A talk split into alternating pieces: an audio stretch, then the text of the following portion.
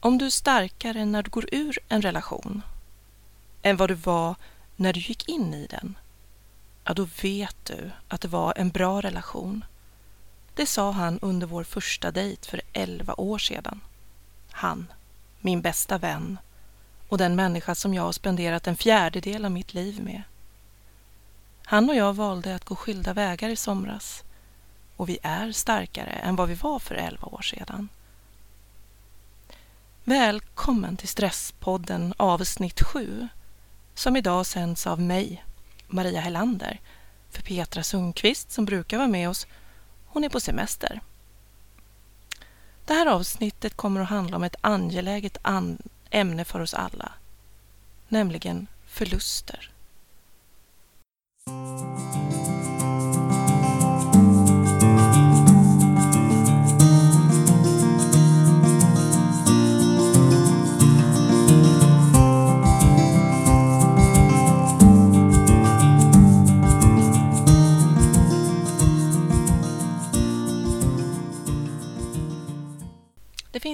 Osämja mellan oss och jag är tacksam över att ha fått varit en del av hans liv och hans familjs liv.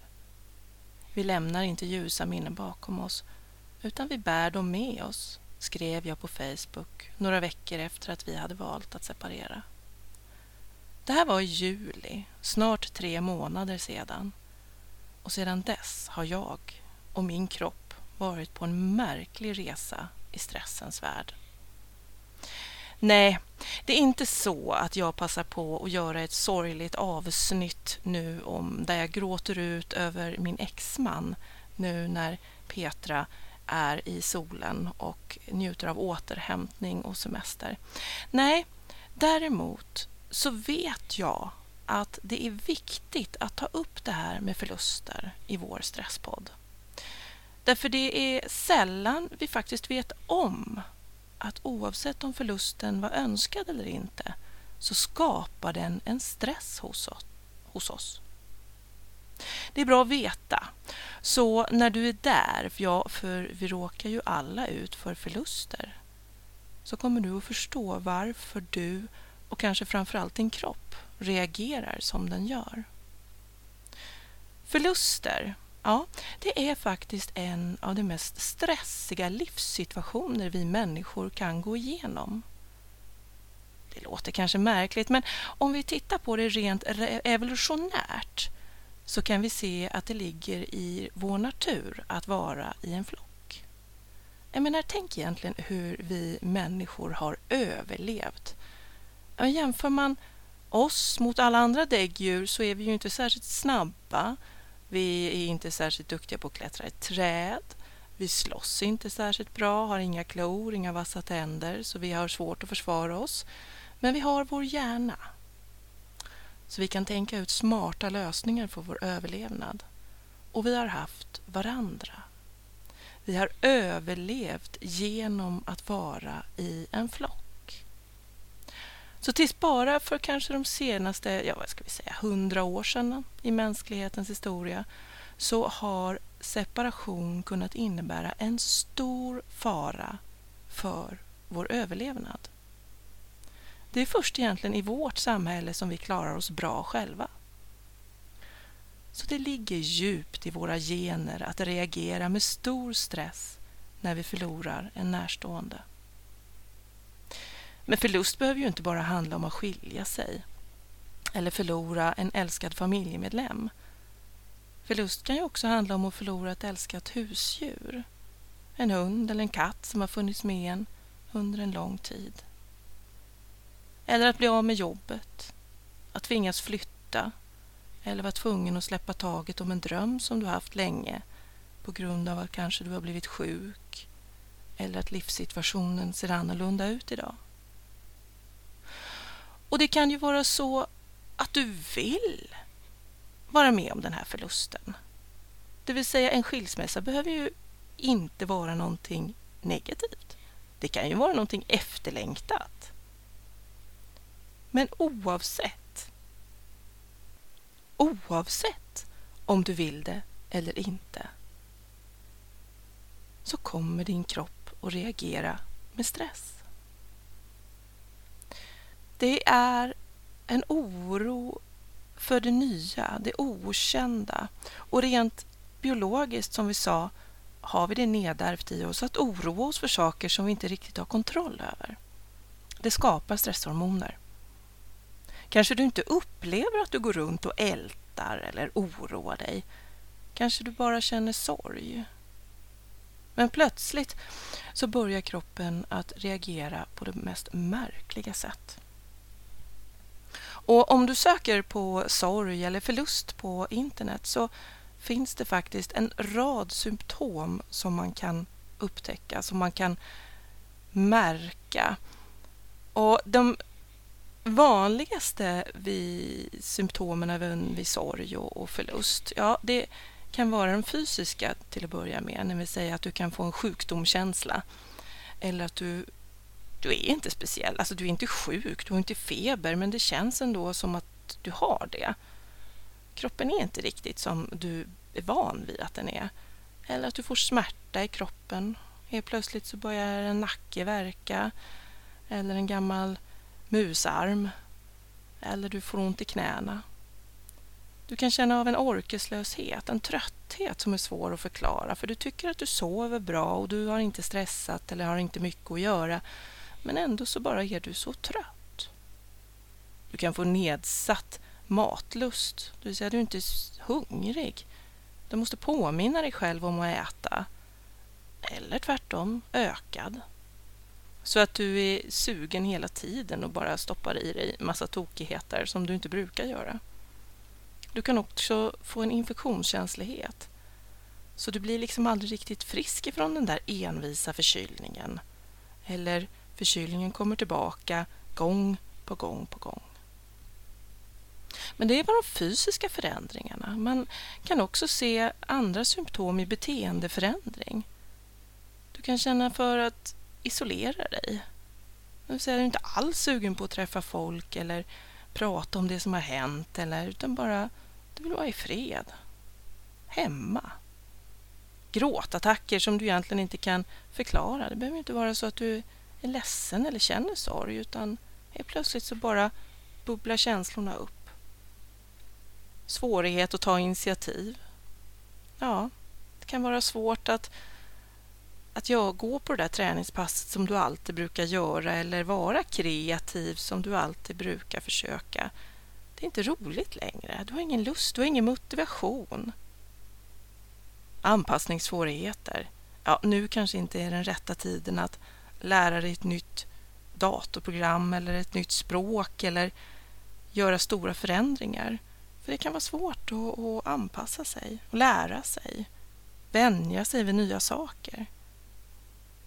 Någonting, någonting man också ser är att vi får en, det kan finnas en ökande tendens till att dricka alkohol.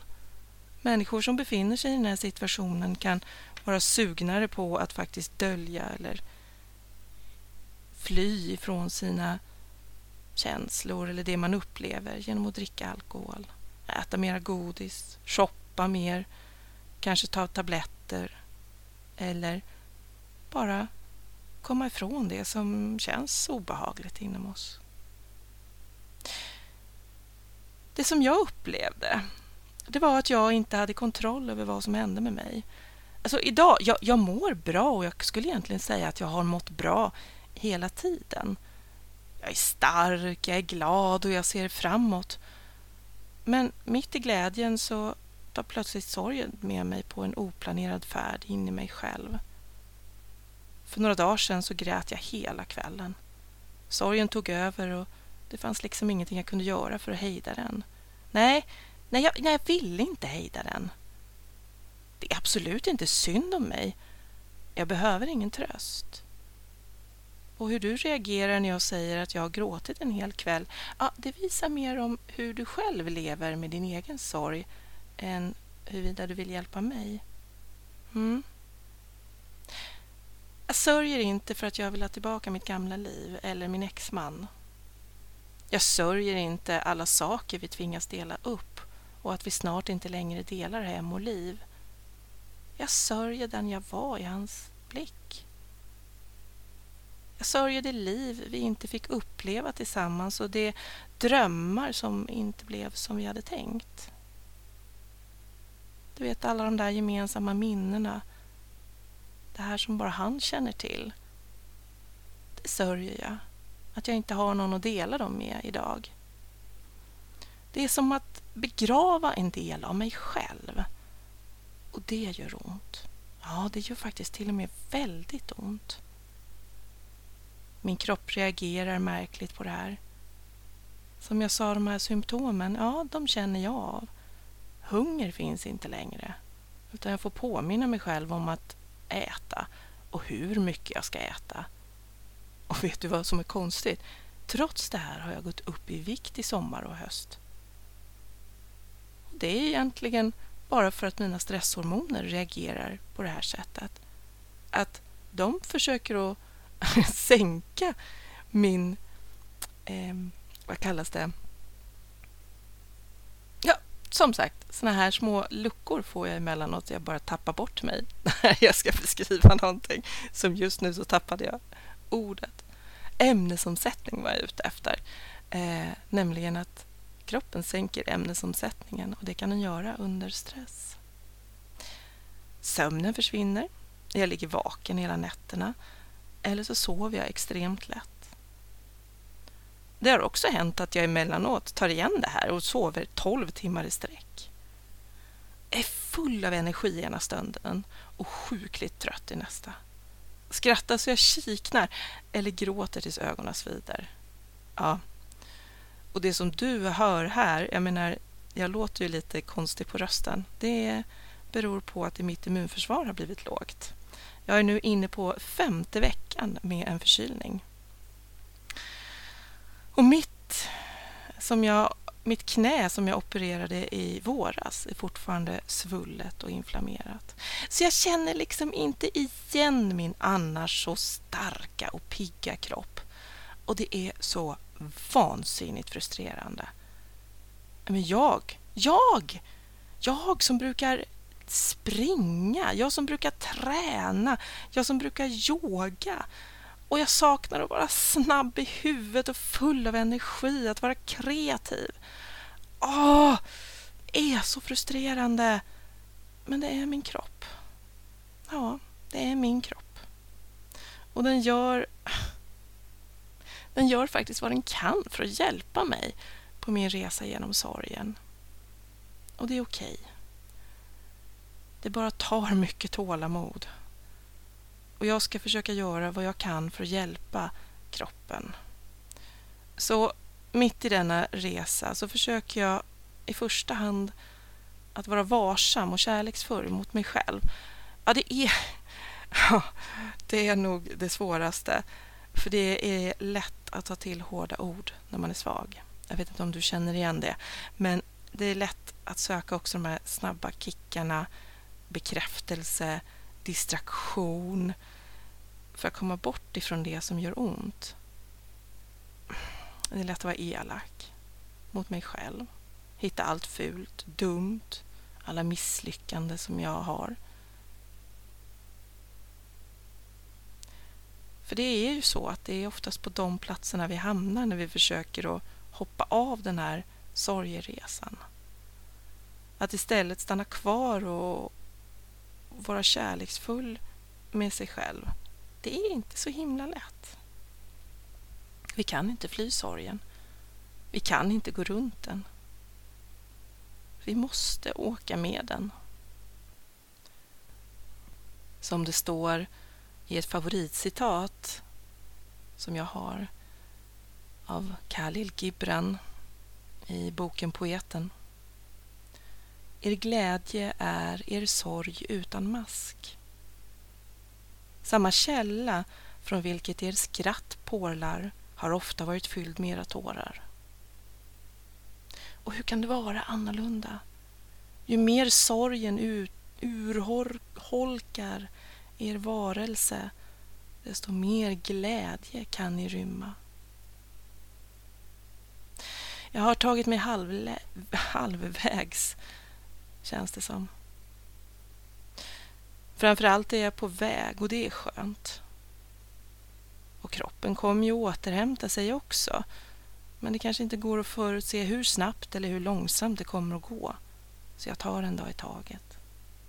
Precis som jag råder alla mina klienter som kommer till mig i egenskap av beteendevetare och samtalsterapeut som har det tufft. Precis på samma sätt hjälper jag mig själv nu. Och det finns mycket du kan göra själv för att påverka ditt välbefinnande när du känner stress eller är nedstämd. Men jag tror att tillåta det att finnas känslor. Det är nog det som har varit viktigast för mitt eget läkande. Sorgen med alla tårar, verkande smärta och ibland den här bottenlösa känslan av mörkret. Ibland som det kändes i början, första tiden efter vår separation, så var det som att falla och bara falla, falla, falla. Det fanns liksom ingenting som tog emot. Den känslan, den fick vara där. Och ilskan på honom, på livet och på det där som är så orättvist och tungt. Han var ju min livskamrat. Vi skulle ju fira pensionen tillsammans. Vi hade ju så många planer. Och såklart rädslan. Rädslan för framtiden. För att drömmarna plötsligt måste omformuleras och osäkerhet kring bostad, pengar, möjligheter. Men vet du, mitt också i allt det här så glädjen, skrattet, leken. Alltså det här, den här känslan av att också kunna känna kärlek. Att träffa en nyfunnen vän och känna sig uppskattad och rolig. Att barnsligt få bara leka och, och plaska i vattnet eller vara med mina hundar. Att få vara nyfiken och pröva helt nya saker som att bli renad av en schaman eller prata med en djurkommunikatör. Alla känslor har fått sitta ner vid mitt bord och dela med sig. Jag kan inte påstå att jag tyckt om dem allihopa men jag har ändå försökt att lämna utrymme för dem och, och respektera dem. Och det, ja, det har hjälpt mig. Det har hjälpt mig att ta mig hit där jag är idag. Att inte vara rädd för att känna.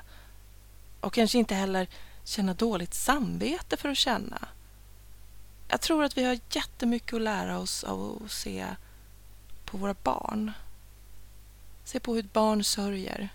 Har du sett ett barn sörja någon gång när de har förlorat ett älskat husdjur eller går igenom någonting riktigt tufft?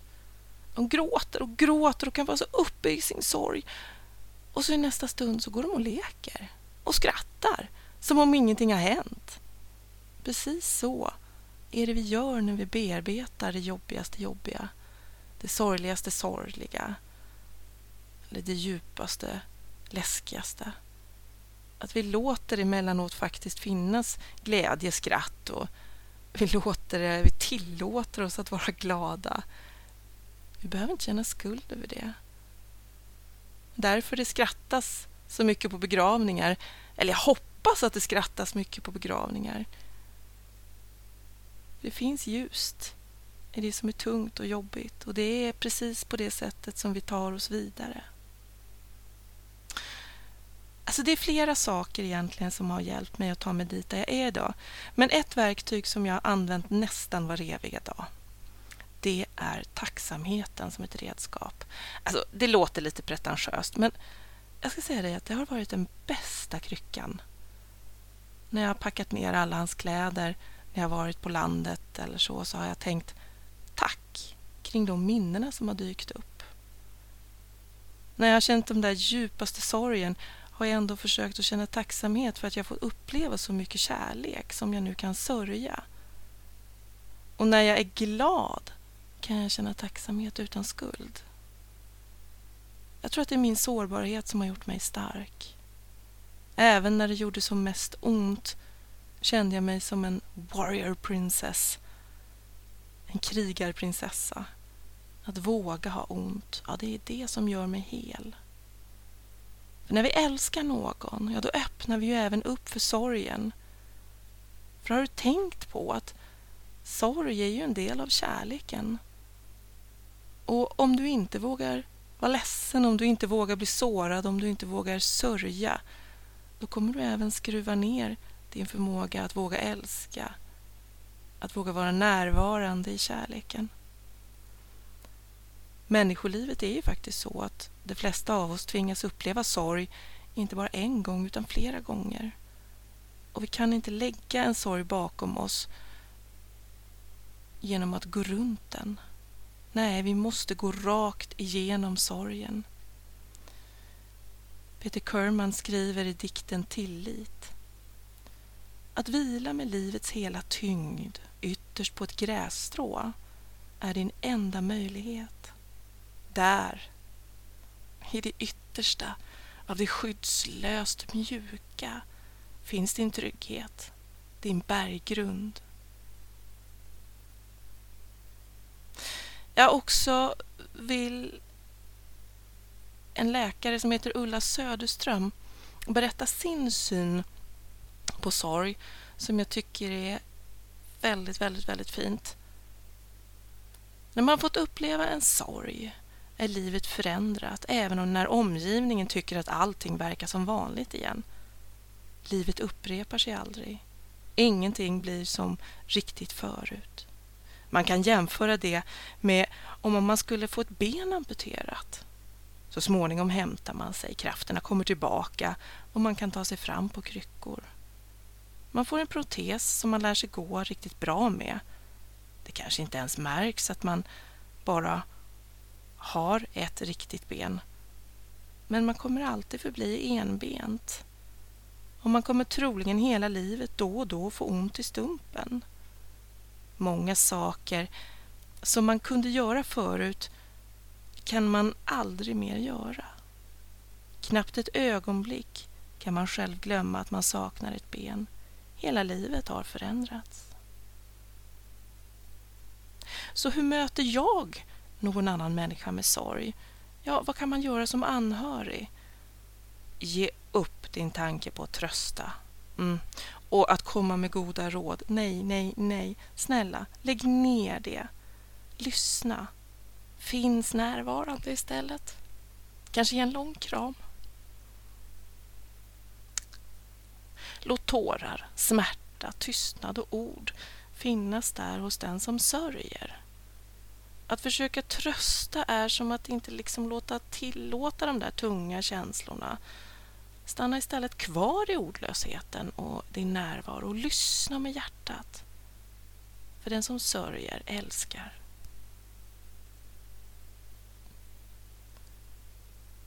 Sorgen är en del av kärleken.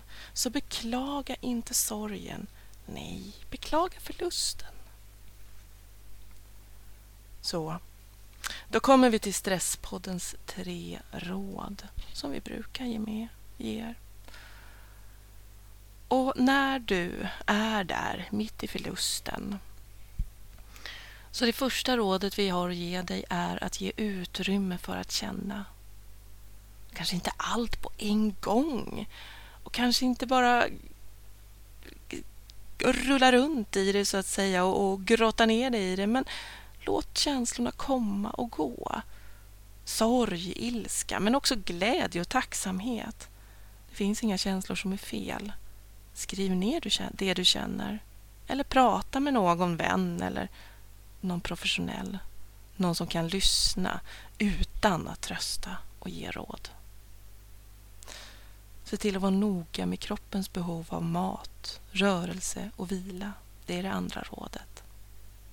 Ja, ta extra tillskott om du vill. Gör det den här perioden. Det kanske är precis vad din kropp behöver. Extra vitaminer och mineraler eller någon grön drink då och då om du tror att det kan stärka dig. Men bara kom ihåg att se till att din kropp behöver byggstenar och kanske lite extra mycket byggstenar just nu. Och rörelse. Ja, rör på dig i din mån din kropp tillåter. Eh, det kanske är att ta en promenad eller eh, yoga eller vad det nu än är. Men och även om det är svårt att sova, så vila. Så Det andra rådet är alltså att vara noga med kroppens behov när det kommer till mat, rörelse och vila. Och det tredje rådet, ja, det kanske egentligen är det rådet som är lite svårt. Men det tredje rådet är att vara snäll mot dig själv. Du kommer att hitta tillbaka till dig själv. Du kommer att känna fast mark under fötterna igen. Du kommer att känna igen din kropp. Men tills dess, försök att ge dig själv lite extra tålamod och extra självmedkänsla. Alltså, känn. Ta hand om din kropps behov och behandla dig själv med vänlighet. Med det vill jag säga tack för att du lyssnar på Stresspodden. Hjälp oss att sprida kunskap om hur du kan hitta balans i stressen genom att dela vår podd i sociala medier eller berätta för den för alla som du berättar om podden för alla som du känner. Så att fler kan få lite tröst, lite goda råd, hjälp och stöd på vägen och så att vi kan få informera om att det går att göra någonting åt stressen. Det går att må bra och ha balans i livet. Du ska inte behöva må dåligt. Livet ska inte vara en kamp för överlevnad. Livet ska handla om att levas. Även när du går igenom en förlust. När du känner sorg och är kvar i stressen som påverkar din kropp. Hör gärna av dig också till oss på info stresspodden.nu om du har frågor och funderingar om din egen stress, någon anhörigs stress eller bara tips på vad du tycker att du vill höra oss ta upp i Stresspodden. I nästa avsnitt kommer Petra hem från värmen och semestern och då kommer vi ta upp ännu ett spännande ämne som påverkas väldigt mycket av stress, nämligen om hur våra könshormoner påverkas när vi är stressade. Du vet det här med PMS och hur eh, menopaus och klimakteriet och alla de där sakerna, möjlighet att bli gravid, hur det påverkas när vi är stressade. Och kanske även att titta på hur påverkas det manliga stresshormonet när under stress. Så vi kommer att intervjua en expert i det här ämnet som heter Therese Renåker. Men mer om det nästa vecka. Så tills dess, var rädd om dig. Våga känna, ge utrymme för dina känslor. Ta hand om din kropp och var snäll mot dig själv.